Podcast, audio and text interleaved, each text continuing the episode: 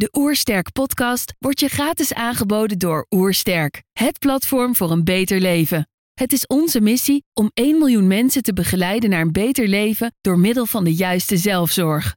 Wil je weten hoe jij kunt werken aan een beter leven? Ga dan naar www.oersterk.nu slash gezondheidscheck voor onze gratis gezondheidscheck en krijg direct jouw uitslag met persoonlijk advies.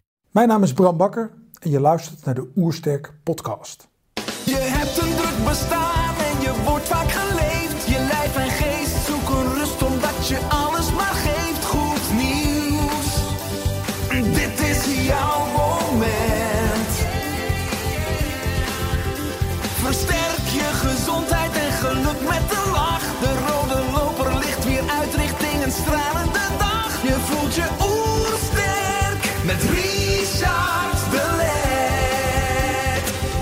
We zijn in Heemskerk voor een podcast met Bram Bakker.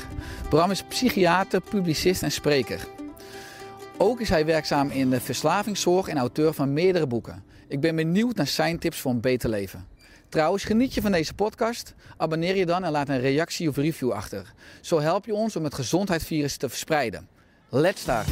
De Oersterk Podcast. Een ontdekkingstocht naar een beter leven. Bram, welkom. Dankjewel. Je bent als eh, psychiater enorm actief, kan je zeggen, ook daarbuiten. Hè, als schrijver, als uitgever. Eh, je geeft lezingen, je, je hebt eigenlijk je eigen show. Hoe komt dat, dat je ook zo'n ambitie hebt om een belangrijke boodschap te willen delen?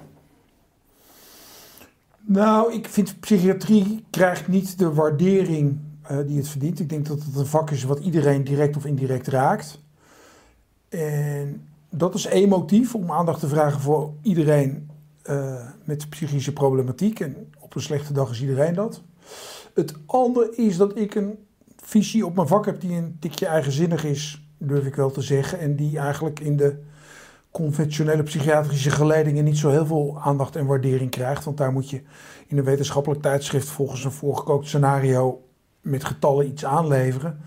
Terwijl ik denk, ja, maar psychiatrie is veel meer het gevolg van een leefstijl die uit balans is geraakt. En het niet, niet eh, in verhouding staan tussen wat je wil en wat je kan. Nou, en dat leidt dan tot zoiets als een theaterprogramma over burn-out. Omdat ik burn-out helemaal niet een psychiatrische stoornis vind. En de GGZ wel verstopt is geraakt met burn-out patiënten. Hoe komt dat? Hoe komt dat uiteindelijk misschien mensen met een burn-out, dus misschien helemaal niet op de juiste afdeling zijn in de psychiatrie? Want dan kan je natuurlijk ook eigenlijk geen oplossing aanreiken die bij de oorzaak van het pro- probleem aansluit. Nou ja, waar, waar we het natuurlijk al even over hadden vanuit onze gedeelde achtergrond als eh geneeskundestudenten.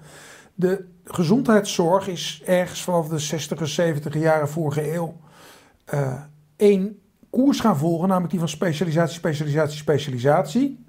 Heeft heel lang denk ik heel veel voordelen geboden. Maar we zijn onderhand in 2020 wel op het punt dat we ons moeten realiseren dat al die specialisatie tot een enorm verlies heeft geleid. Namelijk de generalistische overview, het, het buiten de kadertjes van jouw vak durven kijken. En daar is het wat mij betreft zeker in het geval van de psychiatrie heel erg misgegaan. Zeg je daarmee dat heel veel psychiatrische aandoeningen ook voor kunnen komen uit zeg maar, onbalansen in het lichaam? Nou, ik, ik weet niet wat er in het lichaam gebeurt waar het brein niet in betrokken is. En omgekeerd ook, alles wat er in het brein gebeurt heeft effect in het lichaam. Dus waarom ooit een meneer Descartes heeft bedacht om hier een schot te plaatsen en te zeggen cogito ergo sum. Dus eh, Ik denk dus ik ben. Ja, ja en, in- en in feite daarmee een, een, een extreme overwaardering van ons denkvermogen in, in, in, in de markt heeft gezet. Want het is eigenlijk een commercieel product geworden, dat verstand van ons. En eh, we worden geregeerd door mensen die zeggen dat we ons verstand moeten gebruiken. Maar ons gevoel en ons lichaam is van veel grotere betekenis. Weet je, je kan alles bedenken, maar eh, het begint en eindigt met hoe je je voelt. Mhm. Ik heb je in 2016 horen zeggen, en dat vond ik enorm raak. de psychiatrie heeft met de rest van de geneeskunde mee willen doen. Diagnose geeft focus op één probleem en niet op het systeem. Het is niet evidence-based, maar evidence-biased. Alleen maar onderzoek eh, wordt er gedaan waar handel in is. Als iets niet wetenschappelijk is bewezen, is het nog niet niet waar. Ja, dat, dat laatste is een van de grote problemen van de hele geneeskunde. Hele conservatieve wereld. eh gijzelt elkaar met dat alles wat we doen evidence-based moet zijn. Nou, dat is sowieso al totale onzin, want 90% van wat er in de geneeskunde gebeurt is helemaal niet evidence-based. Weet je, de nachtzuster is niet evidence-based. En eh, nou ja, echt heel erg veel is niet evidence-based. Zelfs de blinde darmoperatie is niet evidence-based. Dus laten we niet doen alsof dat de gangbare praktijk is. Maar we roepen maar de hele dag tegen elkaar dat het evidence-based moet zijn. Als je kijkt wat er onderzocht wordt in deze wereld, dan zijn het dingen waar belanghebbende partijen de financiering voor het onderzoek op zich nemen. Dus eh, suiker is niet slecht, wordt gesponsord door Coca-Cola. Nou, de psychiatrie is een medische discipline geworden omdat er farmaceutische bedrijven waren die op zoek waren naar een verkoopkanaal. En die dachten, nou, als we nou alle stemmingsproblemen tot een serotonineprobleem uh, omkatten, dan kunnen we het via de dokters gaan verkopen. Nou, dat is heel erg goed gelukt. We hebben echt heel veel centjes mee verdiend. Maar als je weet hoeveel redenen er zijn om in een depressie te geraken en hoe complex die met elkaar samenhangen, dan snap je ook wel dat er geen enkele pil is die dat kan oplossen. Dus niet tegen pillen, maar het is een hele beperkte route. Alleen dat is wel de route van de dokters. Weet je, dat is, is, uh, ja, dat, dat is bijna het, grootste geloof in Nederland anno 2020. Wat de dokter zegt. Maar de dokter is net zo onnozel als de rest van het land. Ja, je ziet ook in de psychiatrie afgelopen jaren zeg maar, de zoektocht naar nieuwe diagnoses. Hè, dat betekent dat je ook uh, nieuwe medicatie uh, voor die probleemgroepen kan voorschrijven.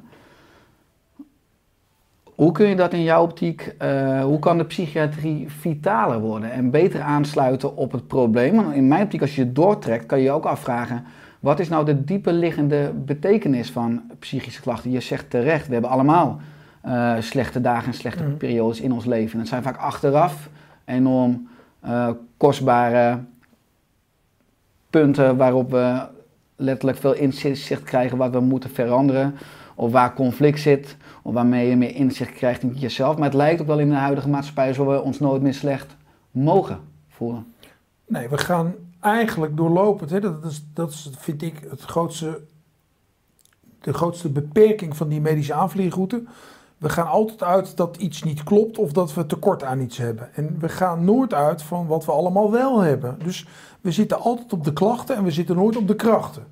En als je alleen maar op de klachten gaat zitten, dan laat je eigenlijk de helft al gelijk buiten beschouwing. En heel veel mensen zijn geholpen bij te bedenken wat ze allemaal wel kunnen. Als je nu praat over uh, dat we zulke verschrikkelijke beperkende maatregelen uh, ondervinden omdat er een of ander virus rondwaart, ja, dan, dan pak je de sombere insteek. Je kan ook bedenken hoe ongelooflijk goed we het nog altijd in dit land hebben, dat we ja, eigenlijk toch op, op hoofdlijnen ons leven verder kunnen leven, ondanks het feit dat er een, dat er een naar virus in omloop is. Dus het gaat wat mij betreft over, nou ja, denk ik statistisch de helft van de gevallen waarin je beter op de kracht kan focussen dan op de klacht. Mhm. Nou, dat, dat kent dit model niet. Nou, het systeem zoomt in uh, op het fouten, ook al is het maar één ding. En die is op alle dingen die goed gaan of, of goed zijn of, of beter kunnen. Uh, je benoemt al nu het huidige tijdperk. We zitten ruim anderhalve meter uit elkaar ook. Het virus. Ja. Uh, ik las op je website hè, de kans dat je bezwijkt aan het coronavirus is iets groter dan bij griep. Er sterven heel veel meer mensen aan ongelukken, aan kanker en zelfmoord. Er is vooral een enorme media-hype gaande. Ja, nou ja, ik ben ooit gepromoveerd op angststoornissen. En als je iets van angst weet, ook als je er niet op gepromoveerd bent, dan is wat hier gaande is, is uh, angst zaaien. Ja. En het vervelende is, als je een krant wil verkopen, de beste manier om een krant te verkopen is met een eng verhaal komen. Dus de, de overeenkomsten tussen de dreiging van aanslagen en de dreiging van het virus, dat zijn ongelofelijke grote overeenkomsten. En we hebben in Nederland nog nooit een serieuze terreuraanslag gehad. Ik hoop dat het zo blijft, maar moet je eens kijken hoeveel tijd, aandacht en geld daar naartoe is gegaan. En hoe mensen hebben geleden al onder angst voor aanslagen die vrij zeker nooit zijn gekomen. Al die mensen die bang waren voor een aanslag, maar ondertussen zijn overleden aan kanker of een verkeersongeluk. Dat wil je niet weten. Alleen, dat is geen verhaal voor in de krant. Niemand, niemand koopt de krant voor een genuanceerd verhaal. Um, angst, angst verkoopt. Mhm. Nou, er is een virus in om wat we niet kennen. Natuurlijk is dat eng of leidt dat tot onzekerheid. Ja. Tegelijkertijd denk ik, het is heel goed dat we weer eens even worden geconfronteerd met dat, dat we niet alles in de hand hebben. Dat we, dat we onzekerheid moeten verdragen. En natuurlijk hou jij geen rekening met de mogelijkheid dat je straks op weg naar huis eh, wordt platgereden door een dronken automobilist. Gelukkig maar, want dan heb je, heb je nu sowieso al een slechte middag. Mhm. Maar we gaan nu wel ineens leven alsof, alsof we vanmiddag, als we bij de Albert Heijn naar binnen stappen en niet goed opletten, dat we dan het coronavirus te pakken hebben. Ja, dat is niet rationeel. Dat is echt niet rationeel. Hoe zouden we in jouw optiek daar beter mee kunnen omgaan qua denken, qua mindset? Nou, het- ons denkvermogen wordt uitgevent als het, het grootste wat wij hebben. En wat mensen onderscheidt van alle andere zoogdieren is het vermogen om te denken. Dat betekent eigenlijk heel simpel gezegd niet veel meer of minder dan waar een aap gelijk een soortgenoot te lijf gaat eh, of seksuele handelingen inzet. Daar hebben mensen het vermogen om even te bedenken, dat moet ik maar even niet doen, want eh, dat is verboden bij wet of dat vindt deze soortgenoot misschien niet prettig. Dat is, Beheersing en remming. ja, dus die, die frontaalkwab, die onderdeel is van onze hersenschors waarmee we onze emoties remmen, dat is het verschil. Dat is een flinterdun laagje, want giet er wat drank in en hij doet het niet meer. Eh, op het moment dat je oververmoeid bent of in de emoties doet hij het ook niet meer. Dus de emoties, die sturen ons aan, niet ons denkvermogen. Dus het beste wat we hebben als instrument is ons gevoel. Alleen we trainen elkaar er niet in om op gevoel in te zetten. Sterker nog, als ik tegen jou zeg, Richard, ik heb het gevoel dat. Dan kan je heel snel tegen mij zeggen: Joh, dat is niet zo raar, man, waar baseer je dat op? En dan zeg ik: Ja, dat baseer ik op mijn gevoel. Ja, gevoel, dat is niet evidence-based. Nee, dat klopt. Maar evidence-based is een product van de ratio, van het verstand. En in die end is gevoel veel belangrijker voor iedereen. Want als wij dezelfde vorm van kanker hebben, wordt het verschil, en dat verschil zal er zijn, bepaald door hoe wij ons erbij voelen. Jij denkt, oh shit, mijn kinderen zijn nog jong, die gaan misschien hun vader verliezen. En ik denk, nou, ik ben blij dat mijn dochter al 15 is en dat ik al die jaren met haar gehad heb. Nou, dan heb jij meer stress van jouw diagnose dan ik. En dat beïnvloedt jouw prognose ongunstig. Snap je nog? Dus het gevoel is veel bepalender dan het verstand. En hartstikke fijn dat wij protocollen kunnen bedenken en chemotherapie kunnen uitvinden en bestraling. Hartstikke mooi. Maar in die end begint en eindigt het bij gevoel. Ook bij mensen. En hoe kunnen we ervoor zorgen dat we dus beter naar ons gevoel luisteren, enerzijds, maar ook misschien beter ons gevoel trainen? Nou ja, dat, dat is volgens mij de uitdaging voor de moderne mens. En ik denk dat hè, als, je, als je vanuit mijn vak vertrekt, dat het eigenlijk niks meer of minder is dan mensen uit hun, uit hun ratio trekken. Dus uit die hersenschors en, en mensen uitdagen en prikkelen om in hun gevoel te gaan. Nou, dat betekent in je hoofd, in je lichaam. Eh, misschien dom voor je uitstaren en, en eens even kijken wat er gebeurt als je even niet gericht bezig bent met je hoofd. Maar ja, stilzitten is, is iets wat de meeste van ons al niet meer kunnen. Twaalf minuten per dag halen we geloof ik dat we niks doen. Jongeren kunnen dat nog veel slechter. Die zitten de hele dag in hun hoofd. Die zitten nooit in hun lijf. En, en die ervaren op een gegeven moment ook niet meer hoeveel verschil het uitmaakt of je, of, of, of je bij de McDonald's eet. Of dat je verantwoord eten naar binnen stopt. Mhm. Terwijl dat heeft natuurlijk een enorme impact. Maar ja, Ja. als je daar overheen leeft, ja, dan word je wakker op de dag dat je hard tegen de muur botst. Maar gaan we daarmee ten onder aan ons evolutionaire succes? Want ik vind het heel grappig dat we hebben nu zoveel comfort. Nou, dat, dat leidt nu tot welvaartsziektes als doodsoorzaak nummer één. Ja. Maar als je kijkt naar eh, mijn oma, die eh, nou, helaas nu eh, 18, 19 jaar niet meer leeft. Die zou, als ze nu terug kon komen, zou ze zeggen een wasdroger en een wasmachine en een vaatwasser. En eh, nou, die had 12 kinderen. Maar ik hou uren per dag over om te lummelen, om te staren, om Ja. niets te doen. Dus we hebben veel meer comfort, allerlei comfort die ons eigenlijk extra tijd zou moeten geven. Maar we hebben steeds meer tijd wat we missen en we drukken de nacht al weg. We hebben steeds meer dag nodig. Dat is nogal een paradox, terwijl je zou zeggen dat we als mensen bovenaan die piramide slim genoeg zouden moeten zijn om dat juist te kaderen en ook lekker veel lummeltijd hebben. Ja, maar je hebt helemaal gelijk. En de, de vraag is dan volgens heel simpel: waarom doen 99 van de 100 mensen dat niet? Hm. En ik denk dat er in de mens, en dat heeft niks te maken met of de mens goed of slecht is, een, een grote mate van zelfdestructie huist. En ook een hele grote mate van rupsje nooit genoeg. Waarbij ik bang ben dat we moeten constateren dat we ver zijn doorgeslagen in, in onze onmatigheid. Eh, we, vliegen te veel, we stoten te veel CO2 uit. We proppen te veel eten naar binnen. Ehm, we, we, we roven de aarde leeg van grondstoffen. Nou, dat kan allemaal zo niet doorgaan. Want zometeen zijn de ijskappen weg. En dan is er nog wel enkeling die zegt: ja, dat, dat is al vaker gebeurd. En het is een, het is een schommeling in de natuur. Ja, ik geloof er helemaal niks van. Ik geloof het echt niet. Ik denk dat wij gewoon roofbouw plegen op de wereld om ons heen en op onszelf.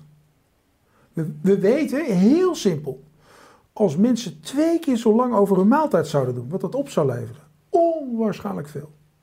Want mensen eten zo snel dat ze ver voorbij hun verzadigingspunt pas bedenken dat ze genoeg hebben. Als ze goed zouden kouwen en hun systeem de tijd zouden geven om het even bewust op te nemen, nou, dan zouden we veel minder eten nodig hebben. Dat is een heel, heel simpel dingetje. Dus als we om te beginnen eens tegen elkaar zeggen, we gaan hoe dan ook een half uur met elkaar aan tafel zitten, dan doen we alle apparaten uit en dan gaan we een half uur alleen maar van het eten genieten. Dan hoeft er minder gekookt te worden, dan hoeft er minder weggegooid. Aan alle kanten gaat het dan beter. Maar we kunnen het al niet meer opbrengen, want we hebben haast. Want eh, we moeten zometeen online uh, mee gaan doen aan een of ander uh, flauwekulspel. Want we zitten in een competitie of we, we moeten boeven dood gaan schieten in de virtuele wereld. Of weet ik wat we allemaal moeten. Mhm. Nou ja, we zijn dus heel erg uit balans, collectief. Ja, je zegt, uh, veel mensen zitten continu in hun hoofd. Het is de kunst om veel meer ook in je lijf te gaan, of balans te vinden Ja. tussen, tussen je hoofd en je lijf. Uh, nou, als, als psychiater heb je inmiddels een aantal boeken, uh, of tenminste veel boeken op je naam staan, voor mij een stuk of 15. Uh, onder andere een boek over ademhaling, hè, het boek Verademing, over hardlopen, het boek Ultra, Gezond leven, hè, het boek Blijf Beter. Je noemde net al, uh, ook nu maatschappelijk, dat we in een soort angst zitten. Nou, als je kijkt naar ons brein, zit het angstcentrum ook relatief dicht bij het ademhalingscentrum. Dus je kan met ademhaling ook op angst inwerken. Ja, hè? En uh, jij maakt voor mij in je lezing ook altijd gebruik van het publiek, dat, dat je checkt hoe, hoe snel en hoe vaak ze ademhalen per minuut. Uh, wat ik grappig vond, dat je zei, uh, hoe hoger de opleiding, hoe sneller de ademhaling. Hoe kunnen mensen die ook nu luisteren uh, ook gebruik maken van de kracht van hun ademhaling nu in dit tijdperk waar zoveel angst floreert? Nou, het is echt heel erg simpel. Maar kijk, ademhaling is geen product. Hè. Dat, de ademhaling hoort bij ons. Dat was 100 jaar geleden zo, dat was 1000 jaar geleden zo, dat was 10.000 jaar geleden. Dus ik kan, wel een, ik kan wel een leuk praatje houden over ademhaling. Verkoop je misschien een boek mee. Maar de kern van het probleem is dat wij onvoldoende contact hebben met ons lichaam. En zoiets simpels als onze ademhaling eigenlijk niet kennen. En wat we weten is dat piekeren, hè, dus die, die hersenschors laten draaien, dat is een stoorzender op ons stresssysteem, op ons immuunsysteem, op ons ademhalingssysteem. Die, die twee liggen vlak bij elkaar. Dus stress, piekeren en ademhaling die te snel gaat, die overlappen enorm. Dus hoe meer je in dat, in dat hersenschorsdeel van je brein verkeert, hoe groter de kans dat je aan het hyperventileren slaat. En het mooie is dat als jij rustig ademt, dan kan je tegelijkertijd niet piekeren. Dus op het moment dat jij het beheerst om met je ademhaling jezelf te kalmeren, dan weten we één ding zeker, dan ben je uit die piekermodus. Dan ben je in het hier en nu. Nou, vroeger deden mannen van mijn leeftijd dat door te gaan vissen. Dat heet nu de cursus mindfulness voor mannen van middelbare leeftijd. Maar zo simpel is het. Dus het is, het is terug, nou ja, wat jij al noemde, pierenwaai, lappen, kakkerlantenvanten. Gewoon niets doen en even ervaren hoe en wat. Maar mensen hebben helemaal niet door dat ze een hoge ademhaling hebben. Ik zie mensen, zie mensen in, mijn, uh, in mijn praktijk met, met opgezwollen aderen in hun nek. En dan zeg ik, heeft u ook veel pijn in uw nek? Ze ja, ja, hoe weet u dat? Ik zeg, ja, dat zijn je hulpademhalingsspieren. Dus omdat je zo snel ademt, moeten die spieren mee gaan doen. Dus dat is geen nekpijn, dat is spierpijn. Nou, dan zit je aan te kijken. Of dat je zegt, adem nou eens met je schouders naar beneden. Het is gewoon natuurlijk een ontspanningsoefening. Mm. Maar ze weten, niet meer, ze weten niet eens hoe het voelt om ontspannen te zijn. In, in hoeverre ligt de oorzaak daarbij ook bij mobieltjes en smartphones? Want je zei vroeger, ik ook, uh, ik viste graag en met een hengeltje een uur, twee, drie uur naar een dobbertje staren. Nu heb je bij spreken dat mensen toch aan het vissen zijn met nou, WhatsApp uh, en die app, groepsapp die altijd doorgaan met so social media, terwijl ze bij spreken... Je ziet mensen continu geplakt op dat schermpje. Hè? We hebben natuurlijk een evolutionair uh, instinct voor prikkels, in die, die uiteindelijk een voordeel was in die prikkelarme omgeving. Ja. Want iedere prikkel kon je potentieel doden of kon, ja. kon schade aanrichten. Uh, alleen dat instinct keert zich nu natuurlijk tegen ons en wordt natuurlijk fantastisch bijna commercieel vermarkt door een industrie die voordeel heeft als je zo lang mogelijk op, op, op zijn of haar app zit. Nou ja, en als je het nu niet koopt, dan mis je de slag. Want we hebben nu een aanbieding, dus je moet het wel vandaag doen. Maar dat is eigenlijk een alarmsignaal alsof er een gevaarlijk beest voor je neus staat. Dat, dat, imiteren ze in die reclame. Dus ze schreeuwen je iets toe, waardoor jij op scherp komt te staan. En je hele systeem dus ook. En het, het is vals alarm. Mhm. Dus je denkt, ik hoor een knal, ik moet gaan rennen. Maar ja, het is een rotje. Het is helemaal, het is helemaal, niet, het is helemaal niet de tijger die daadwerkelijk voor je neus staat. Want op, op het moment dat die er staat, dan moet je in actie komen. Maar wij zijn van nature, net als al andere beestjes, van het hol of stilstaan type. Dus we doen niks tot het nodig is om iets te doen. De, de, de, de gemiddelde hond en kat die liggen 17 uur per etmaal te slapen of dom voor zich uit te staren. En dan heb je de zoogdier mens die denkt dat hij het ongestraft kan omkeren. Die denkt ik ga 17 uur een dolle tekeer en heb ik aan 7 uur slaap genoeg. Nou, ik weet niet of onze lieve heer bestaat, maar als hij bestaat heeft hij het zo niet bedacht. Dat weet ik wel zeker. Mhm. Dus we zijn heel ver weggeraakt van dat niets doen en pas iets doen als het wel nodig is. En als je dan naar die mobieltjes gaat. Als ik mijn kinderen in de kamer heb en ik sta eten te koken en ik hoor niks en ik vraag wat ze aan het doen zijn, dan zeggen ze niets en dan zitten ze op een mobiel. Dus je ziet zelfs dat niets doen al gelijkgesteld wordt door die millennials met op hun telefoon zitten. Nou, dat is ernstig verontrustend, want het kan niet zo onnozel zijn wat je op je telefoon doet. Of je hebt die hersenschors erbij nodig. Dus terwijl je op je telefoon zit, zit je waarschijnlijk te hyperventileren zonder dat je door hebt. Ja, want je ziet dat, eh, ik weet niet hoe het in de psychiatrie is, maar zeker dat ik nog ook een praktijk voor integrale geneeskunde gehad, eh, dat je steeds meer eh, kinderen en mobiele, middelbare scholieren ziet die altijd op een mobieltje zitten, die vaak het mobieltje ook in de slaapkamer hebben. De groepsapp gaat vaak s'nachts ook door bij wijze van Ja. en een gevoel hebben van Ja. moeten reageren, want ik wil Ja. bij de groep horen. Is het uiteindelijk als, als maatschappij ook een uitdaging dat we bijna zorgen voor een, voor een veilige op, opvoedomgeving de eerste 18 jaar qua conditionering ook van die hersenschors, waar je weer voordeel van hebt later in het leven, dat we misschien maatschappelijk ook heel anders gaan kijken naar rust, lummelen en gebruik van mobieltjes. Zeker in de slaapkamer. Nou, ik denk dat. Kijk, er zijn een aantal dingen waar het onderwijs, maar laten we ook de ouders niet vergeten die die kinderen naar die scholen brengen, dringend behoefte heeft aan vernieuwing. En dat zijn denk ik twee dingen. Het is die kinderen helpen of leren om zich ook te ontspannen. Dus je kan ze rekenen en taal geven. Natuurlijk moet dat gebeuren. Maar laat ze tussendoor even ontspannen. En, dan- ook echt ontspannen. Dat is niet op het schoolplein met een mobiel. Nee, dat is echt ontspannen. Dat is één ding. Het andere is dat ons emotionele welzijn, dat verdient aandacht. En dat betekent eigenlijk dat je ook op school niet cognitieve vaardigheden moet trainen, zoals het bespreken van gevoel. Nou, dat gebeurt nog in de, in de laagste groepen, want dan heb je kringgesprek op maandag en dan zeggen ze, ja, ik ben met mijn vader naar Ajax geweest of eh, ik ben mijn moeder wezen winkelen. Dan krijg je allemaal van die leuke verhalen. Maar laten we nou eens het groepsgesprek tot 18 door laten lopen. Dus waar, in welke opleiding je ook zit, gewoon groepsgesprek. En niet alleen op maandagochtend. En ook even vertellen wat er niet leuk was. Dan moet je eens kijken wat er gaat gebeuren. Dan gaan mensen dus delen. Daar knapt de diersoort mensen enorm van op van delen. Want we zijn een sociaal product. En het delen van wat dan ook met, met soortgenoten. Dat is ongeveer het leukste wat er is. Zouden die aspecten van eh, ook de emotionele ontwikkeling en bijna de sociale ontwikkeling ook dan moeten meenemen, bijvoorbeeld in een CITO-toets? Wat nu natuurlijk ja, in, in, eh, in de optiek van het onderwijs veel zegt over het IQ, maar eigenlijk wat je doet is de, vooral het meten van eh, die hersenschors. Ja, maar het, het, het, meten, het meten is zo gekoppeld aan die hersenschors. Terwijl goed voelen Hmm. heeft maar één uitkomst. Eh, je voelt je goed of je voelt je niet goed. Hmm. En dat kan je voor jezelf, naarmate je er beter in bent, kan je dat meer differentiëren. Maar daar kan je geen rapportcijfer aan hangen.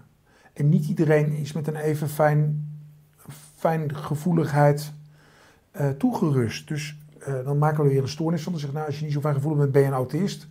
Of als je heel fijn gevoelig bent, dan ben je hoogsensitief. En dan zitten we weer in de stoornissensfeer. Maar de uitdaging aan alle mensen, of ze nou autist zijn of hoogsensitief, is... Haal nou eens wat meer uit je gevoel. Want iedereen heeft gevoel. Ik ken geen mensen zonder gevoel.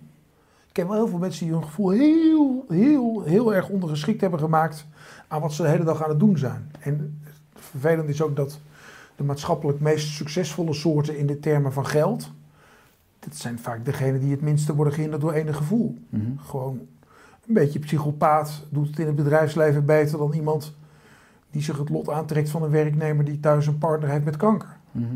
Nee, als ondernemer moet je daar niet te veel aandacht aan besteden. Of je moet het weer omredeneren naar van ja, als ik er nu aandacht aan geef, dan gaat de productiviteit op lange termijn minder omlaag dan wanneer ik er. Maar dan doe je het niet vanuit je gevoel, doe je het vanuit je verstand.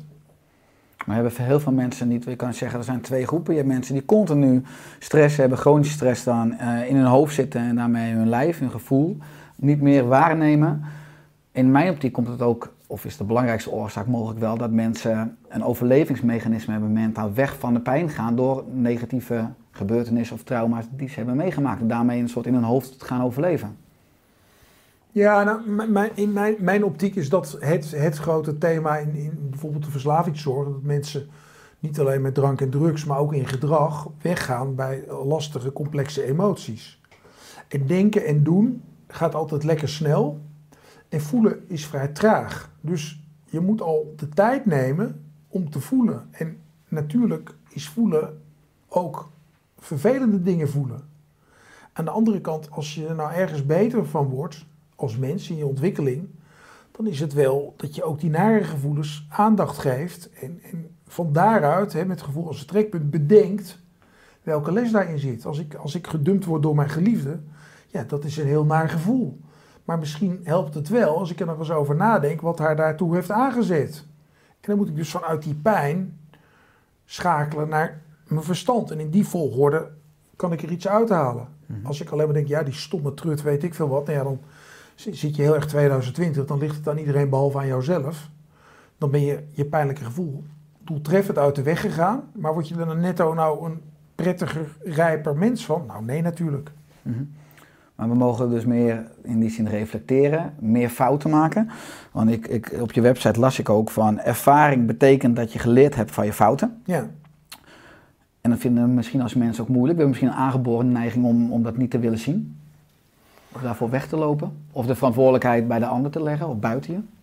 Nou ja, we, we zitten natuurlijk in een cultuur waarin heel erg wordt gepromoot dat we ten koste van alles moeten vermijden om fouten te maken. Nou, snap ik wel dat bij gecompliceerde operaties in het ziekenhuis je een minimale kans wil hebben dat dat fout gaat. Tegelijkertijd, dat, dat mag je als dokter al helemaal niet zeggen, is iedere fout ook een leermoment. Hè, wij hadden eh, mensen, mensen in mijn vak gaan dood door suïcide. En ik had, een, ik had een baas in mijn eerste baan die zei: Ja, wij, eigenlijk moeten wij psychiatrische obducties doen. Wat betekent, we moeten bij elkaar gaan zitten. De nabestaanden, de hulpverleners met z'n allen gaan kijken van wat is er nou in dit proces niet goed gegaan. Want daar kunnen we wat van leren. En als we nou op termijn willen zorgen dat er minder zelfmoord wordt gepleegd, dan moeten we uit iedere zelfmoord die er toch is, en helaas zullen die er waarschijnlijk altijd wel zijn, proberen de les te leren. Dat is heel erg vervelend. En wat er, wat er in de praktijk allemaal nu gebeurt, is dat die hulpverlener heel snel zegt, nou ik heb het protocol gevolgd, ik heb de crisisdienst gebeld, er is een psychiater geweest die zegt dat kan wel. Dus dat die patiënt vanuit het kantoor rechtstreeks naar het spoor is gelopen en voor de trein is gestaan, dat is mij niet aan te rekenen. Nou ja, dan laat je dus alle mogelijkheden om er iets van te leren, die laat je onbenut. Want je zegt alleen maar, het is niet mijn fout. Maar omarm die fout. Weet je, ik maak heel veel fouten. En ik vind ook dat dat, dat geen taboe moet zijn. We maken allemaal fouten. Dus de dag dat ik met een opgeheven vingertje zeg... ja, maar Richard, dat doe jij helemaal fout. Ja, wie ben ik zeg? Alsof ik zelf niks fout doe. Laten we nou gewoon tegen elkaar zeggen... mens zijn impliceert het maken van fouten. Overigens, mijn hond en mijn kat, die maken ook fouten. Dus het is waarschijnlijk gewoon deel van het leven dat je fouten maakt. Laten we daar niet zo spastisch over doen. Laten we kijken wat we eruit kunnen halen. Nou ja, zo komen we denk ik verder als mensen in de richting van een gezond, gelukkig, evenwichtig leven. En niet door te zeggen, "Joh, jij hebt, jij hebt suiker in je koffie, weet je hoe slecht dat is? Ja, gaat niet helpen. Juist, dus eigenlijk anders kijken naar fouten maken. Perceptie over het algemeen is iedere fout natuurlijk ook een uh, leren- en groeiproces. Je ziet dat de meeste gelukkige of succesvolle mensen juist heel veel fouten hebben gemaakt. En dat vaak ook als oorzaak noemen van uiteindelijk waar ze nu staan. Ja, nee, in Amerika hebben ze als eh, motto dat een ondernemer die nooit failliet is, graag geen ondernemer is. Dat is misschien een beetje overdreven. Maar ik zou niet weten hoe ik, hoe ik was gekomen waar ik nu ben in het leven als ik mijn fouten niet serieus had genomen. En ik had misschien verder kunnen staan als ik er nog meer van geleerd heb. Maar ik weet vrij zeker dat ik er wel af en toe iets van heb opgestoken. En ik ben blij dat ik dat talent heb. En dat komt door mijn opvoeding of mijn genetische, dat weet ik niet. Maar ik heb wel de bereidheid om van mijn fouten te leren. En ik denk dat we met elkaar zouden moeten streven naar... Laat iedereen proberen maximaal bereid te zijn om van zijn eigen fouten te leren. En dan, ja, dan gebeuren nog steeds heel veel ongelukken waar je niks aan kan doen. Maar ook al kan je er 2% aan doen, pak die 2%. Al die huwelijken die stuk gaan doordat de een naar de ander wijst en omgekeerd. Terwijl het onderliggende thema is, hoe kan het dat wij ooit gelukkig samen waren en waar zijn we dat kwijtgeraakt? Nou, kunnen we weer terug op zoek. Nou ja, en wat heb ik fout gedaan en wat heb jij fout gedaan? Maar dan ga ik niet zeggen wat jij fout hebt gedaan, dan ga ik zeggen wat ik fout heb gedaan. Dan zeg je, nou ja, nu we het er zo over hebben, ik heb natuurlijk ook een paar dingen niet goed gedaan. Moet je kijken wat voor fijn gesprek je dan krijgt. Mhm. Ja, ja. absoluut. Ja, eens. Je hebt over ademhaling, eh, wat ik net zei, de koppeling met angst. Je, je, je schrijft ook vrij veel over stress, hè, want chronische stress is denk ik een belangrijke voedingsbodem Mhm. van veel welvaartsziekten. Eh, je zegt da- daarover van mensen zijn hun ontspanning kwijt hè, en hoe ontspannen kun jij leven. Waar in jouw optiek ook, wat ik las, een burn-out een gezonde reactie is op een abnormale belasting Ja. in het perspectief dat we eigenlijk de afgelopen 20 jaar van lichaamswerkers naar hoofdwerkers zijn gegaan. En dus van duursporters op vet naar suikerverbranders, hè, puur als je kijkt naar ons brein. Eh, je bent zelf een fervent hardloper. Hè, dus ook denk ik ook om, wat voor jou waarschijnlijk ook een, een strategie is om weer lekker Ja. stress af te vloeien in je, je lichaam in te gaan. Eh, zouden we dus veel meer, dus ja, bijna lichaamswerk moeten doen als eh, compensatie van maatschappij die steeds meer in, in het hoofd vlucht of, of vanuit het hoofd werkt, la- laat ik het zo zeggen. Nou, ik, ik denk dat we uit het hoofd weg moeten. En, en 10, 15 jaar geleden was ik, was ik zo doorgeslagen in mijn enthousiasme over het hardlopen... dat ik dacht iedereen moet gaan hardlopen en dan wordt het voor iedereen beter. Ja, zo simpel is het helaas niet. Maar dat, dat wij allemaal heel regelmatig en veel meer uit ons hoofd weg moeten... daar ben ik van overtuigd. Inmiddels denk ik, ja, als, als je dat met piano spelen wil doen... of met tuinieren of met in de keuken staan... is het ook best, maar ga uit je hoofd. En dat dat voor mij hardlopen is en voor iemand anders vissen of hè, whatever, dat doet er niet toe, maar ga weg uit dat hoofd. En, en wat ik pijnlijk vind, hè, ik vraag, vraag dan aan mensen van, nou ja, waar knap je nou echt van op? Hè? Wat, wat is jouw hobby? Wat is, wat, wat is je geheim, heimelijke genoegen? Wat, wat vind je fijn om te doen? Postzegels verzamelen, weet je, iets heel truttigs of zo. Maar verklap me nou wat je leuk vindt. Nou, dan komen mensen vaak met grappige dingen. Dan zijn ze ook verbaasd dat je het vraagt. En dan de vervolgvraag, en daar wordt die eigenlijk altijd pijnlijk. Als je dan zegt, wanneer heeft u dat voor het laatst gedaan? Dan zeggen mensen, ja, dat heb ik eigenlijk al een jaar niet gedaan. En dan, dan komt het wel binnen. Dan denken ze, ja, ik vind dat dus heel leuk. En ik heb mezelf er al een jaar de tijd niet voor gegeven. Als, als jij nou van vissen houdt, waarom ga je dan niet vandaag of morgen weer eens een keer vissen? En, en, en waarom ben je in 2019 voor het laatst geweest? Stel jezelf nou eens die vraag. En dan niet zeggen, ja, dat komt omdat mijn kinderen zoveel aandacht vragen. Dat is echt onzin, want als jij af en toe gaat vissen, hebben je kinderen een leukere vader, weet ik zeker. Doe je dat zelf ook? Eh, dus heb je helder eh, waar je echt energie van krijgt, dan doe je dat ook consequent? Nou ja, om, om, omdat bij mij de gouden formule dat hardlopen is. Kijk, ehm, als, als ik anno nu 16 zou zijn en in handen zou vallen van een kinder- en jeugdpsychiater, dan ging ik met een recept Ritalin vanwege ADHD de deur uit. Dat weet ik zeker. Eh, in mijn tijd was dat nog niet, was dat concept er niet. Toen was het geloof ik MBD, Minimal Brain Damage. Dikke kop, klem gezeten in het geboortekanaal. Dus dat was in die tijd de verklaring voor jongetjes als ik. Maar al heel snel ontdekte mijn moeder, denk ik als eerste, en ik zelf ook, dat buitenspelen, zelfs als het regende, dat ik daarvan opknapte. Dus ik zeg ook altijd, mijn moeder heeft de runningtherapie uitgevonden, want we hadden een hond. En mijn moeder stuurde mij om de havenklap met die hond naar buiten. En dan kwam ik weer terug en dan zei ik, nou heeft een plasje en poepje gedaan. Mijn moeder keek maar en zei, ze, loop nog maar een rondje. Dus die zag dat ik dan niet rustig was. Dus inmiddels weet ik, de manier om rustig te worden, voor deze man, is buiten gaan rennen.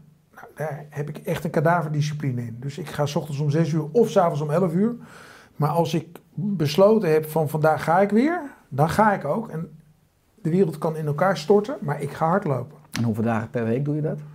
Nou, dat is een beetje afhankelijk. Ik probeer daarin te variëren. Dus eh, soms dan moet ik weer een marathon of een ultra lopen. Dan ga, ik wat meer. Maar ik ga altijd minimaal drie keer in de week. En dan doe ik vaak nog andere sporten. Ik op een racefiets. Ik ben alweer bezig met een triathlon. Eh, zwemmen doe ik ook. Dus eh, ik denk dat ik zes dagen in de week aan sport doe. Ik zit af en toe in de sportschool. Dus ik zit zes dagen per week iets met sport te doen, zeg maar. En dan heb ik als, als overtuigd ex-christen, als ex-praktiserend christen ook nog de rustdag hoog in het vaandel. Dus ik vind het er ook een dag... Nou ja, bij wijze van spreken, dat is natuurlijk wel een dag die heel geschikt is om te sporten. Maar ik vind wel dat je een dag ook Mm. even dat lichaam rust moet geven. En ik, ik ben natuurlijk een oude man ondertussen. Ik raak ook geblesseerd als ik te veel doe. Dus de uitdaging wordt ook steeds meer. Wat kan wel, wat kan niet. Die tijden die ik 30 jaar geleden liep, die haal ik niet meer. Dus ik ben steeds aan het zoeken. En eigenlijk is het een zoektocht naar balans. Maar als ik morgen niet meer kan hardlopen, dan ga ik heel erg veel op een racefiets zitten. Dat duurt nog langer, maar dat heb ik nodig om mijn balans te bewaken. Ja, en al die jaren en al die inzichten die je hebt gedaan over ademhaling, over beweging, over eigenlijk leefstijl als medicijn, ook in de psychiatrie. Uh, vermoedelijk heeft uh, Hugo de Jonge, de minister, je ook al lang in de gaten. Als hij je morgen zou bellen en uh, Bram, laten we een keer samen eens drinken, kop koffie. We hebben ieder jaar nu eigenlijk 100 miljard euro aan, ja, aan ziektekosten, mm -hmm. laten we het zo noemen. Ik wil gewoon een radicaal besluit nemen. Ik maak 50 miljard euro kwijt en kan jij voorzitter worden om dat nou eens goed te gaan besteden, echt aan de toename van uh, ja, volkswelzijn, kwaliteit van leven en uiteindelijk ook verlaging van ziektekosten. Wat zou je met zo'n uh, met zo'n klap geld gaan doen in het huidige zorglandschap?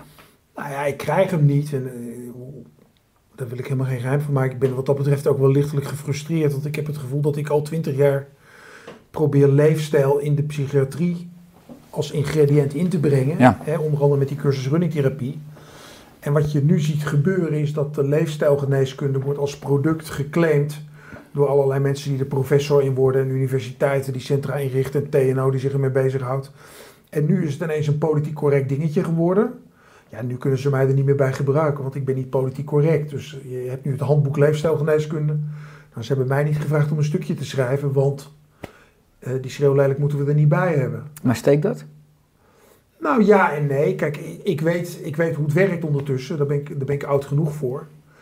Ik, ik vind wel dat mensen een beetje aan de haal gaan met dingen die ze op, op een bepaalde manier wel van mij gepikt hebben. Er zijn wel collega's die ineens allemaal dingen doen waarvan ik denk, ja, 10, 15 jaar geleden deed ik dat ook al. En toen vond je toch allemaal niks. En nu doe het stiekem ook. En de andere kant is ook waar. Ik kan ook denken, nou dat is mooi, want dat betekent dat, dat, dat ik klaarblijkelijk heb bijgedragen aan iets wat de moeite waard is. Maar ik hou niet van producten. Ik hou, ik hou toch heel erg van nou ja, hoe jij je voelt. En uh, dat, dat iemand daar een patiënt aan verdient, heb ik geen moeite mee. Maar de basis moet wel zijn dat het gevoelsmatig klopt. Mhm. Uh, ik, ik heb een hoop mankementen, maar ik durf wel voor mezelf te zeggen dat inhoud altijd leidend is geweest in alles wat ik heb gedaan. En het geeft dan wel mij wat pijn om te zien dat mensen daar handig gebruik van maken. Als je op je smartphone zitten allemaal gezondheidsapps. En dat is, dat is echt zo raar, want voor je gezondheid is een mobiele telefoon echt heel, heel slecht. En wat doen die boeven? Die gaan zeggen, wij zijn jouw bondgenoot, want wij helpen jou jouw gezondheid te bewaken. Om tien uur gaat het blauwe licht uit. Dat is beter voor je, want dan slaap je beter. Maar je zou nog veel beter slapen als je dat apparaat smiddags om vijf uur in de hoek zou gooien en niet meer zou aanraken. Dus wat ze doen is registreren je aantal passen en je hartslag, weet ik veel wat. Maar dat je minder passen maakt omdat je mobiel hebt en dat je hartslag omhoog gaat omdat je mobiel hebt, dat vertellen ze er niet bij. Dus het wordt dan helemaal product. En ik vind je goed voelen is geen product, dat is, dat is een state of mind. En hoe kunnen we ervoor zorgen, ook als, we, als, je, als, je, als je die bak geld krijgt, met misschien het veranderen van die maatschappelijke leefomgeving, dat mensen zich goed of beter gaan voelen, of vaker goed voelen. En dan moeten we misschien beginnen al met een aantal groenstroken, of, of meer parken, of misschien al het basisonderwijs veranderen. Of puur al de geneeskundeopleiding en psychiaters meer kennis geven en leefstijl als medicijnen vast onderdeel geven, waaronder runningtherapie. Zijn dat allemaal schakels of zeg je van, nou het is eigenlijk veel simpeler? Nee, het zijn allemaal schakels. Ik denk dat, dat een van de dingen waar, waar veel verbetering in is, dat in dit land te veel mensen zich bezighouden met dingen die niet, die niet in hun hart zitten. Dus ik geloof dat het heel snel heel veel beter in het land zou gaan als iedereen primair vanuit passie de dingen doet. Er zijn heel veel mensen die hebben een baan omdat ze een hypotheek hebben en omdat ze denken, ja, ik kan niks anders. Maar die hebben niet de passie. En ik denk dat meer groen in de steden, dat is een passie van een x aantal mensen. Dus laten we proberen die mensen vanuit die passie aan groen in de steden te laten werken. Jij hebt iets met voeding, dus laten we de passie die jij voor voeding hebt, gebruiken om andere mensen te helpen. Om ook een beetje na te denken over wat ze eten. Ik heb een dingetje met hardlopen. Eh, laat mijn passie voor hardlopen eh, de mensen die daar wat aan kunnen helpen inspireren. En in alles is dan, is dan het gevoel maatgevend. En ja, wat je, wat je met hart en ziel doet, daar word je ook niet moe van. Mhm. Als ik, als ik thuis kom en ik heb een hele dag vergaderd, ook al wist mijn vriendin het niet, dan ziet ze dat aan me. Ja. En als ik, als ik op een dag 30 patiënten heb gezien en dat komt ook voor, dan heb ik misschien wel veel meer energie besteed, maar wel aan mijn passie. En dan zie ik er anders uit als ik thuis kom. Want dan zit ik, zit ik nog vol vuur. Voldaan en niet Ja, ja, uitgeput. er is niks waar ik zo van afknap als van vergaderen. Mhm. Dus laat mij niet vergaderen. Ja, en dat moet je toch meer doen als je eh, in bepaalde structuren wat meer invloed wil hebben of eh, bepaalde ideeën wil doorvoeren. Dan kom je vaak toch wat meer in bureau- bureaucratische, misschien kringen waar dan helemaal veel gebruik gemaakt wordt van vergaderingen en processen die vaak jaren duren. In plaats van dat je met een aantal mensen met vakinhoud of expertise eh, vrij snel dingen kunt doorvoeren. Politiek is natuurlijk een andere cultuur. Ja, maar niet alle politici zijn hetzelfde. En ik geloof wel heel erg in dat je altijd moet zoeken naar een opening en proberen mensen op andere, andere gedachten te brengen en, en, en, en, en, ze op een ander spoor te zetten. Er zijn zoveel mensen die onverstandig, ongezond gedrag hebben en dat ook weten en het toch niet klaarspelen om daar weg te komen. Want het is onbegrijpelijk dat er nog mensen in Nederland roken. Want er is namelijk niemand, ook geen roker, die niet weet hoe slecht en riskant het is. Dus hoe kan het nou dat wij er niet in slagen om bij die mensen iets te triggeren waardoor ze denken: weg met dat roken. Mhm. Het lijkt wel alsof die mensen een soort suïcide op termijn aan het plegen zijn, want ze weten: als ik doorga met twee pakjes roken, dan eindigt het met longemfyseem of, of een hartinfarct of longkanker. Nou, er zijn drie smaken, maar ze zijn alle drie direct gerelateerd aan roken. Mhm. Waarom doe je dat? Waarom ben je daarna op weg? Nou, de uitdaging is om dat te vinden, wat, wat de verklaring is waarom die mensen dat doen, of dat te vinden waardoor ze het achter zich kunnen laten. Maar ligt de verantwoordelijkheid dan ook bij zeg maar, het individu? Of ook bijna bij de zorg en de politiek, hoe we de maatschappij inrichten? Eh, Esther van Venema, ook psychiater, eh, schreef natuurlijk laatst in het NRC goed een, een artikel van... moeten we ook niet eh, bepaalde vrijheid, bepaalde autonomie gewoon indammen door sigaretten of, of fastfood... wat je vaak toch bij ook lagere sociale klassen ziet... Eh, eh, niet toegankelijk te maken. Moeten we, ja, niet per se dan een dictatuur, maar dat is natuurlijk uiteindelijk, ik vind dat hele mooie filosofische vraagstukken. Van is het nou het probleem van het individu, is het probleem van de soort? En hoe ver zijn we er als maatschappij verantwoordelijk voor? Ook voor de, voor de zwakkeren of de mensen die enorm verslavingsgevoelig zijn. Ja, ik, ik, ik, vind Esther een hartstikke leuke collega en eh, getalenteerde vrouw die goede vragen stelt en eh, ideeel bevlogen is. Allemaal, allemaal top. Maar het is een discussie die vanuit het hoofd wordt gevoerd als je in die richting zoekt. En ik denk eerlijk gezegd dat wij veel meer gedomineerd worden door allerlei ongeschreven wetten en regels. En dat onze gedragingen veel meer eh, kopieergedrag in zich hebben. En dat er veel meer te verdienen is door, door mensen zich daar bewust van te laten worden. Ik weet niet of het jou is opgevallen, maar we hebben allebei witte sportschoenen aan. Ja, Dat is geen toeval. nee, ik geloof ook niet in toeval. Nee, dus de vraag is, hoe komt het nou dat wij allebei die schoenen... Nou, dat leidt niet tot een groter geluk bij jou of bij mij als, als we besluiten dat niet meer te doen. Het voelt wel lekker. Ja, precies. Dus we hebben iets, iets wat ons bindt. Maar dat hebben rokers ook. Dus die zitten ook, hè, tevreden roker is geen onruststoker. Dat zit dus ergens in de vezels van die mensen verstopt, dat het misschien wel ongezond is, maar het levert ook iets op.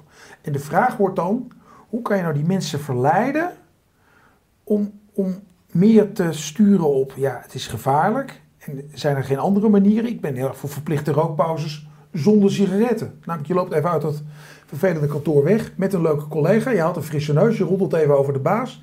Knapt iedereen enorm van op. Dus de winst van de rookpauzes, die moeten we houden, maar zonder de sigaretten. En dat is een andere manier van denken. En eigenlijk weet ik, weet iedereen, weet iedere gedragswetenschapper, dat straffen niet werkt. Belonen werkt. Dus dan moeten we veel creatiever op zoek naar wat mensen inspireert en beloont en weet ik wat allemaal niet. En ja, als je ziet hoeveel moeite het al kost en hoe weinig het nog oplevert, al die campagnes tegen roken, Mhm. dan moeten we misschien op een dag ook vaststellen dat we een campagne moeten beginnen voor, de, voor aandacht voor de complexe emoties die leiden tot roken. En dan ben je van een heel andere kant met hetzelfde probleem bezig. En daar zie ik het meer. En dan zou ik ook veel liever dan een zak geld van minister De Jonge krijgen. eh, eens een keer een, een, een informele sessie houden waarbij je probeert iets te triggeren bij al die topambtenaren. Want die minister is, is, een voorbijganger, maar dat, dat hele apparaat daaronder. Van jongens, ga nou eens even in je gevoel bedenken wat, wat je aan het doen bent. Maar ja, heel veel mensen zitten daar ook op de automatische piloot. Je laat een rapport maken en je zegt, nou, we moeten iets met een ervaringsdeskundige doen. Heel veel mode, heel veel goed bedacht, slecht gevoeld. Hmm.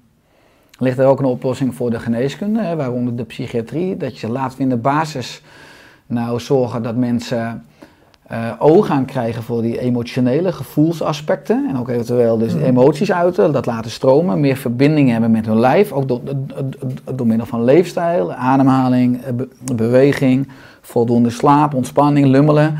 En laten we dan misschien als tweede trede of derde trede eens gaan kijken of er medicatie nodig is. In plaats van nu is het natuurlijk allemaal, bijna alles start bijna vanuit eh eh, farmacotherapeutisch. En daarna misschien of hopelijk komt er wat leefstijl of emotionele aspecten bij. Moeten we daarmee eigenlijk de hele geneeskunde ook gewoon omkeren? Nou ja, kijk, er zit een enorme grote weeffout in hoe wij de zorg hebben georganiseerd. We beginnen namelijk pas op het moment dat er een diagnose is. En allerlei wijze mannen in het oude Griekenland zeiden al dat een dokter iemand is die helpt om ziektes te voorkomen. Dus wat een goede dokter is, is een expert in het gezonde lichaam. En in het gezond houden van het lichaam. En omdat hij daar zoveel van weet, kan hij ook op een gegeven moment vaststellen dat is ongezond. En hebben we allemaal technieken die we kunnen inzetten om dat ongezond zo goed mogelijk te herstellen. Maar het is een ontzettend dubbel verhaal. Want je hoort ieder jaar weer opnieuw hoeveel beter de behandeling van kanker lukt. En hoe, hoe de prognose van het melanoom is verbeterd. Wat Ja. nu heel erg hot is vanwege de immunotherapie. Dat is heel fijn. Dat is fantastisch dat er is. Maar het feit dat er steeds meer mensen op steeds jongere leeftijd kanker krijgen. Gaan we daar ook nog eens wat mee doen? Daar zit mijn zorg. Mhm. Nou, dan kom ik weer bij jouw voeding. Vrij zeker zijn voedingsgewoonten een enorme factor bij het ontstaan van kanker. Mhm. Alleen, dokters hebben dan zoiets, ja, het zal wel. En ik ga niet tegen mensen zeggen dat ze meer muesli moeten eten of andersoortige muesli. Dat zie ik niet als mijn taak. Dat is maar helemaal de vraag. Als, als we niet bij de diagnose beginnen, maar bij gezond en verantwoord eh, gebruik maken van je lichaam, inclusief je hoofd. Nou, wat- Ik, ik denk dat daar de winst ligt. Hoe kunnen we dat uiteindelijk dan ook praktisch om gaan draaien? Want ik vind het soms fascinerend dat allerlei medisch specialisten alles weten over een bepaald orgaan, over een Mhm. bepaald gebied. Ja. Eh, ook alle pathologieën, alle afwijkingen kennen en hoe je daar medicamenteus of met operaties op aan kan sluiten. Ze zien uiteindelijk alleen maar zieke mensen, dus mensen die dat deel van hun gezondheid zijn verloren en alles aan doen en proberen om dat weer terug te krijgen. Maar zou het eigenlijk niet wij zijn als medisch specialisten bijvoorbeeld ook één dag eh, de maatschappij ingaan proactief om mensen te vertellen van nou, ik weet alles over dit orgaan, over dit systeem.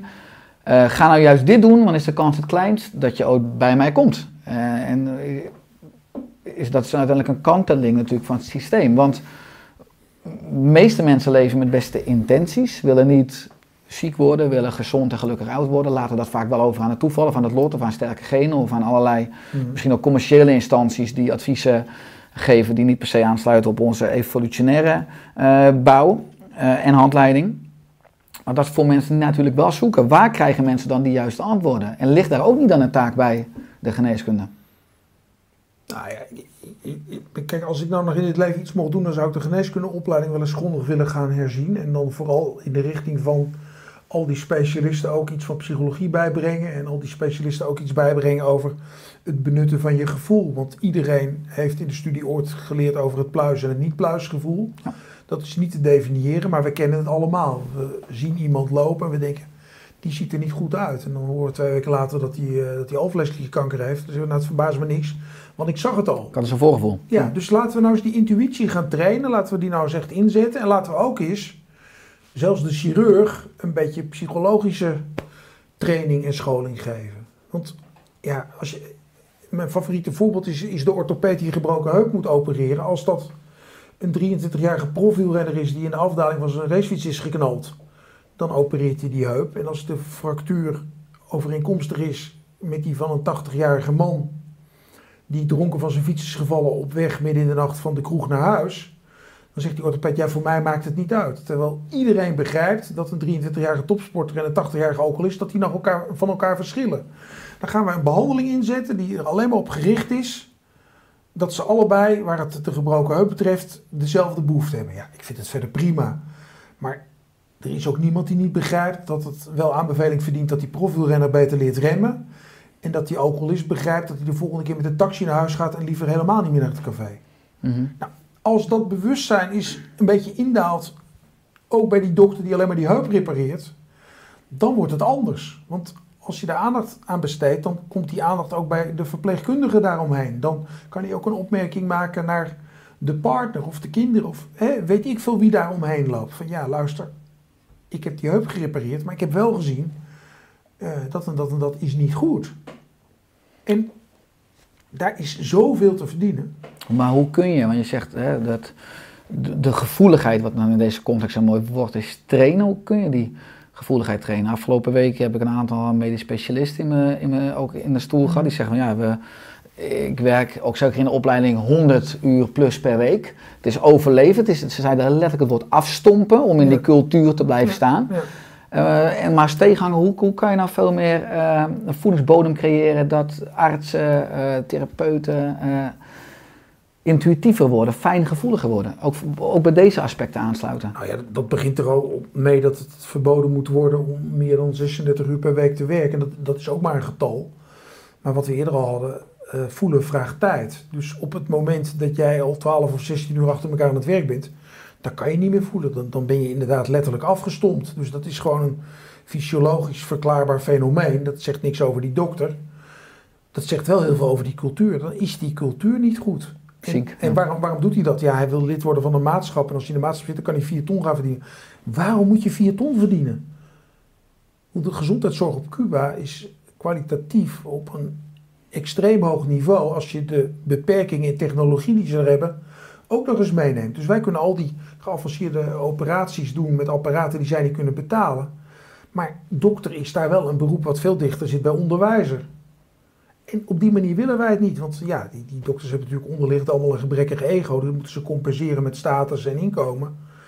Maar laten we het dan daarover hebben. Eh, hoe, hoe bevredigend is het om eens een keer iemand fundamenteel te helpen? Net zoals het enorm bevredigend is om een kind iets te leren. Maar en in de zorg en in het onderwijs zien we dat mensen er niet meer geen zin meer in hebben, want de werkdruk is te hoog en de kans dat je doorgroeit is te laag en het salaris. Nou ja, dan gaan we dus allemaal maar in de media werken of bedrijfseconomie studeren. Maar er is geen enkele aanwijzing dat die mensen in die end gelukkiger worden.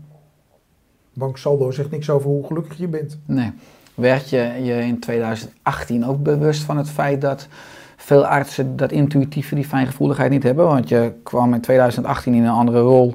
Eh, heb je ook een boek over geschreven, hè, toen je wat moeite had met lopen. Eh, ik, ik zag je ook in eh, het interview met Esther van Venema zeggen... wat je weet is iets anders dan wat je voelt. Je had toen, omdat je wat moeite had met lopen, vooral een angst voor ALS en M- MS. Ja. Toen die rollen omdraaiden, werd je toen ook bewust van hoe rationeel het systeem werkt? Nee, ik had iets aan mijn cerebellum, aan mijn kleine hersenen. Het is nooit opgehelderd wat het was. Eh, je hoort nu trouwens veel over de griepgolf 2018-2019. En eh, voor 2017-2018, waarschijnlijk denken we, was het de griep, die normaal gesproken niet je brein aantast, maar bij mij dus wel. Ehm, ik, je komt dan met, met evenwichtsproblemen, cerebellum is evenwicht, en dronken terwijl je niet gedronken hebt. Dan kom je bij de neuroloog. Nou, het was wel onthutsend wat ik daar tegenkwam. En dan schijnen neurologen ook wel de meest eh, zakelijke dokters te zijn. Maar ik kwam in allerlei protocolaire onderzoeken terecht. Er zijn duizenden euro's gespendeerd aan het vinden van de diagnose. Die niet gevonden is. Nee, die niet gevonden is, maar geen seconde mens-tot-mens contact. Je bent dan ook nog collega's. Je denkt, geef iemand eens je mobiele nummer voor het geval dat. En dan ga ik heus s'nachts om drie uur niet bellen. Maar het idee dat je bereid bent om dat gebaar te maken, die waarde, dat zijn ze helemaal vergeten. Als er iets is, dan moet u naar de receptie bellen. Die is eh, 7 keer 24 uur bereikbaar. Maar op het moment dat ik doodsbang ben, en dat ben je in het begin, want je denkt er zit iets in mijn brein heel erg mis, ga ik niet, ga ik niet het alarmnummer bellen. Eh, dan wil ik iemand bellen waar ik een beetje vertrouwen in heb. Dan zeg ik, ja, ik heb nu last van dit en dat. Het zal toch niet? En als dat iemand is die ik vertrouw, dan ben ik gerustgesteld. Dan neemt de angst af. Dus vrij zeker ook alweer de klachten. Want ik zit al hyperventilerend die klachten alleen maar in stand te houden. Mhm. Nee, de neurologen hebben dat niet. Helaas niet. Maar dat heb je toen opgeschreven in eh, je boek. De dokter als patiënt. Ja. Heb, heeft die neuroloog dit boek toen ook ontvangen? Of is, heeft hij uiteindelijk die feedback, die terugkoppeling gehad? Waar mogelijk dan weer voor hem of haar tenminste dan een stuk groei ligt? Nou, kijk, er, er werden echt hele, hele eh, basale fouten gemaakt in dat proces. En ik was natuurlijk boos en verontwaardigd door de slechte behandeling die ik kreeg. Maar ik dacht ook nog, ja, weet je, ik ben niet de eerste de beste. Ik ben een collega met een grote mond. Als ze mij al zo behandelen, wat doen ze dan met de timmerman uit Bergen op Zoom of de huisvrouw uit Tiel? Die worden dan zeker niet goed behandeld. Dus ik wilde stampij daarover. En nou, ik heb overwogen om tuchtzaken die, tegen die collega's aan te spannen. Omdat ik dacht van ja, dan krijgen ze een tik op hun vingers. Dat zouden ze ook zeker gekregen hebben. Maar had het mij verder geholpen als zij gestraft waren? Of als ik een zakje geld had gekregen ter compensatie? Ja, ik denk het niet. Maar er zijn echt hele foute dingen gebeurd. Tegelijkertijd zie je ook, bijvoorbeeld dat boek, er zijn er heus wel een paar van verkocht. Eh, maar er wordt ook gereageerd van ja, daar heb je hem weer of zo. Alsof ik zeg maar, om kritiek te kunnen hebben op het systeem aan mijn cerebellum was gaan kietelen of zo, weet je. Eh, je, wordt, je wordt dan ook geframed als, ja, dat is die man die altijd overal kritiek op heeft. Maar Onruststoker. ja, maar ik was wel echt geschok, geschokt, Mhm. gechoqueerd door de incompetentie. Weet je, tien neurologen, ik tel de neurologen in opleiding niet mee, vier verschillende ziekenhuizen, één jaar volledig arbeidsongeschikt. Nou, de kosten die daarmee gepaard zijn gegaan, los van het leed, en niet alleen bij mij, maar ook bij mijn kinderen en mijn, bij mijn dierbaren. Als je dat allemaal op een hoop veegt, dan was er toch echt met vrij weinig moeite een hele hoop te besparen geweest. En ja, ik vind dat onbegrijpelijk. Dat vind ik echt onbegrijpelijk. Maar heb je ook eh, door het boek ook, eh, dan ook leuke reacties gehad van artsen? Van dankjewel dat je me bewust hebt gemaakt op dit punt. Want hier ligt voor mij ook nog wel een stukje groei. Je hebt mijn ogen geopend. Nee, van artsen niet. Wel van mensen die het ook hebben meegemaakt. Dus eh, wat ik had Lotgenoten. cerebellaire ataxie, dat Mhm. schijnt toch nog best wel af en toe voor te komen. Alleen niemand kent het. En als je het gaat googlen, dan, dan vind je ook amper iets. Maar er kwamen dus wel vanuit het hele land mensen met vergelijkbare klachten. Die zeiden, ik heb dit en dat. Dus en zo, wat fijn dat je het hebt opgeschreven. Dus er gebeurde wel wat. Maar niet vanuit de collega's. Dat zou natuurlijk het leukste zijn geweest als de Nederlandse Vereniging van Neurologen had gezegd... kom jij eens een verhaal bij ons houden, een inspiratiepraatje over wat er beter kan. En dan ja, zou ik zeggen, trek die witte jas uit, eh, gooi die stethoscoop in de hoek... en ga om te beginnen gewoon contact maken. Want jouw deskundigheid zit niet in je outfit... zit ook niet in het gebouw waarin je werkt... maar zit in dat je mij het vertrouwen geeft. Ik weet wel een beetje in welke hoek we het moeten zoeken. Ik, ga, ik heb geen verstand van auto's, maar ik ga naar een bepaalde garage omdat ik het vertrouwen heb dat ze het daar goed doen met mijn auto. En dat is de basis van ons functioneren. Vertrouwen in elkaar hebben.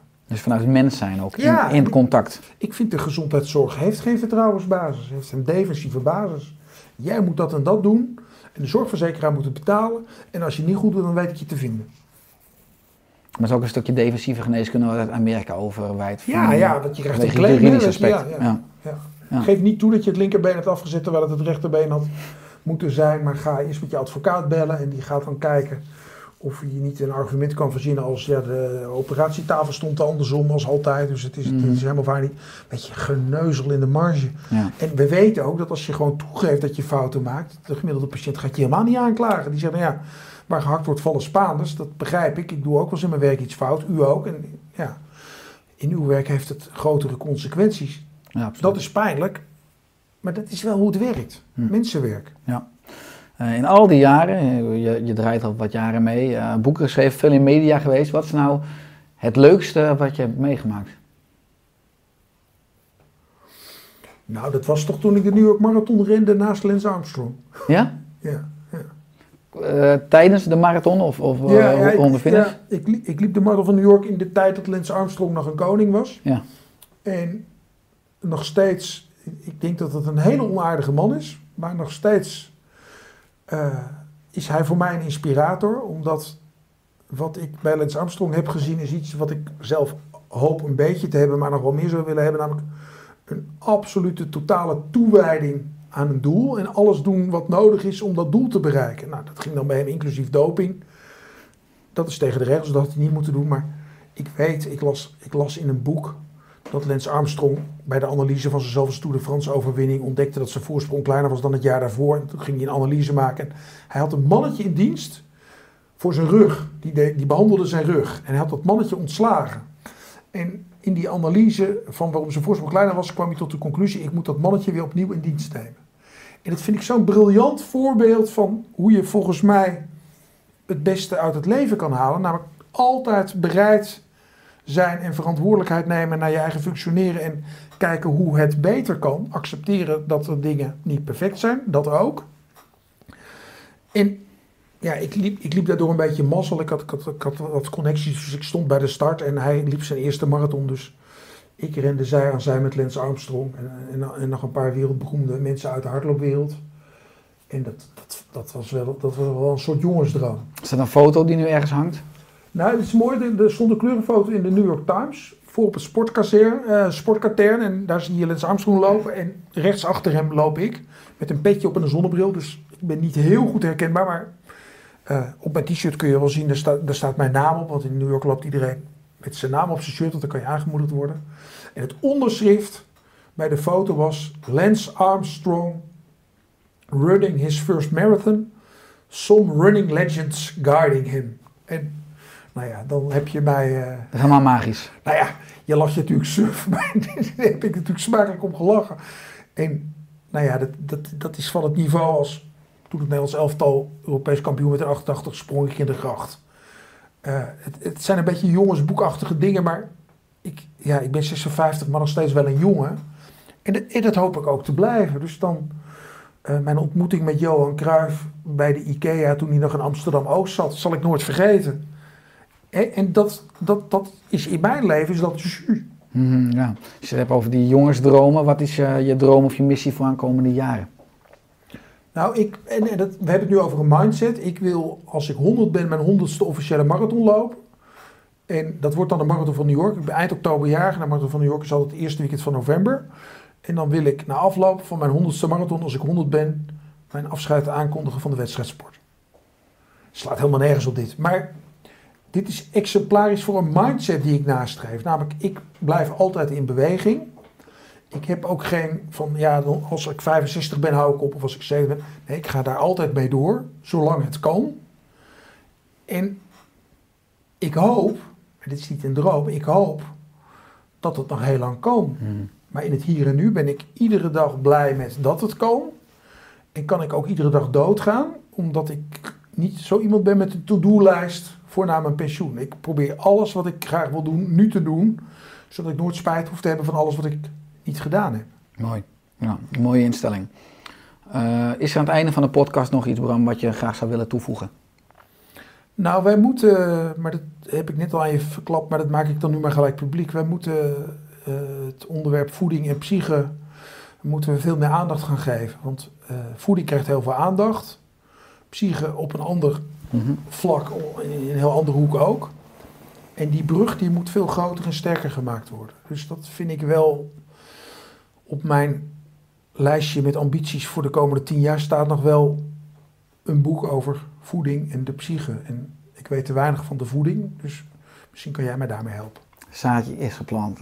Waar kunnen mensen meer over, eh, over jou vinden? Of over je diensten, over Oh, je ik, boeken? heb, ik, heb, ik heb gewoon een website. Brambakker.nl Nee, .com, want brambakker.nl is een graafbedrijf. Oh, dat is goede brambakker.com. Ja, En daar vinden mensen veel meer informatie ja daar is meer dan, meer dan leuk is. Zeker ook als Ja. je je naam koekelen, dan vinden ze genoeg. Ja, zeker. Dankjewel Bram voor je, voor je komst in de Oerstek podcast, eh, podcast. En alle goeds aan komende jaren met alle activiteiten die je nog gaat en blijft doen. En eh, blijf eh, vooral eh, prikkelen en blijf eh, mensen veel meer stimuleren om zich ook te verbinden met hun lijf en hun gevoel.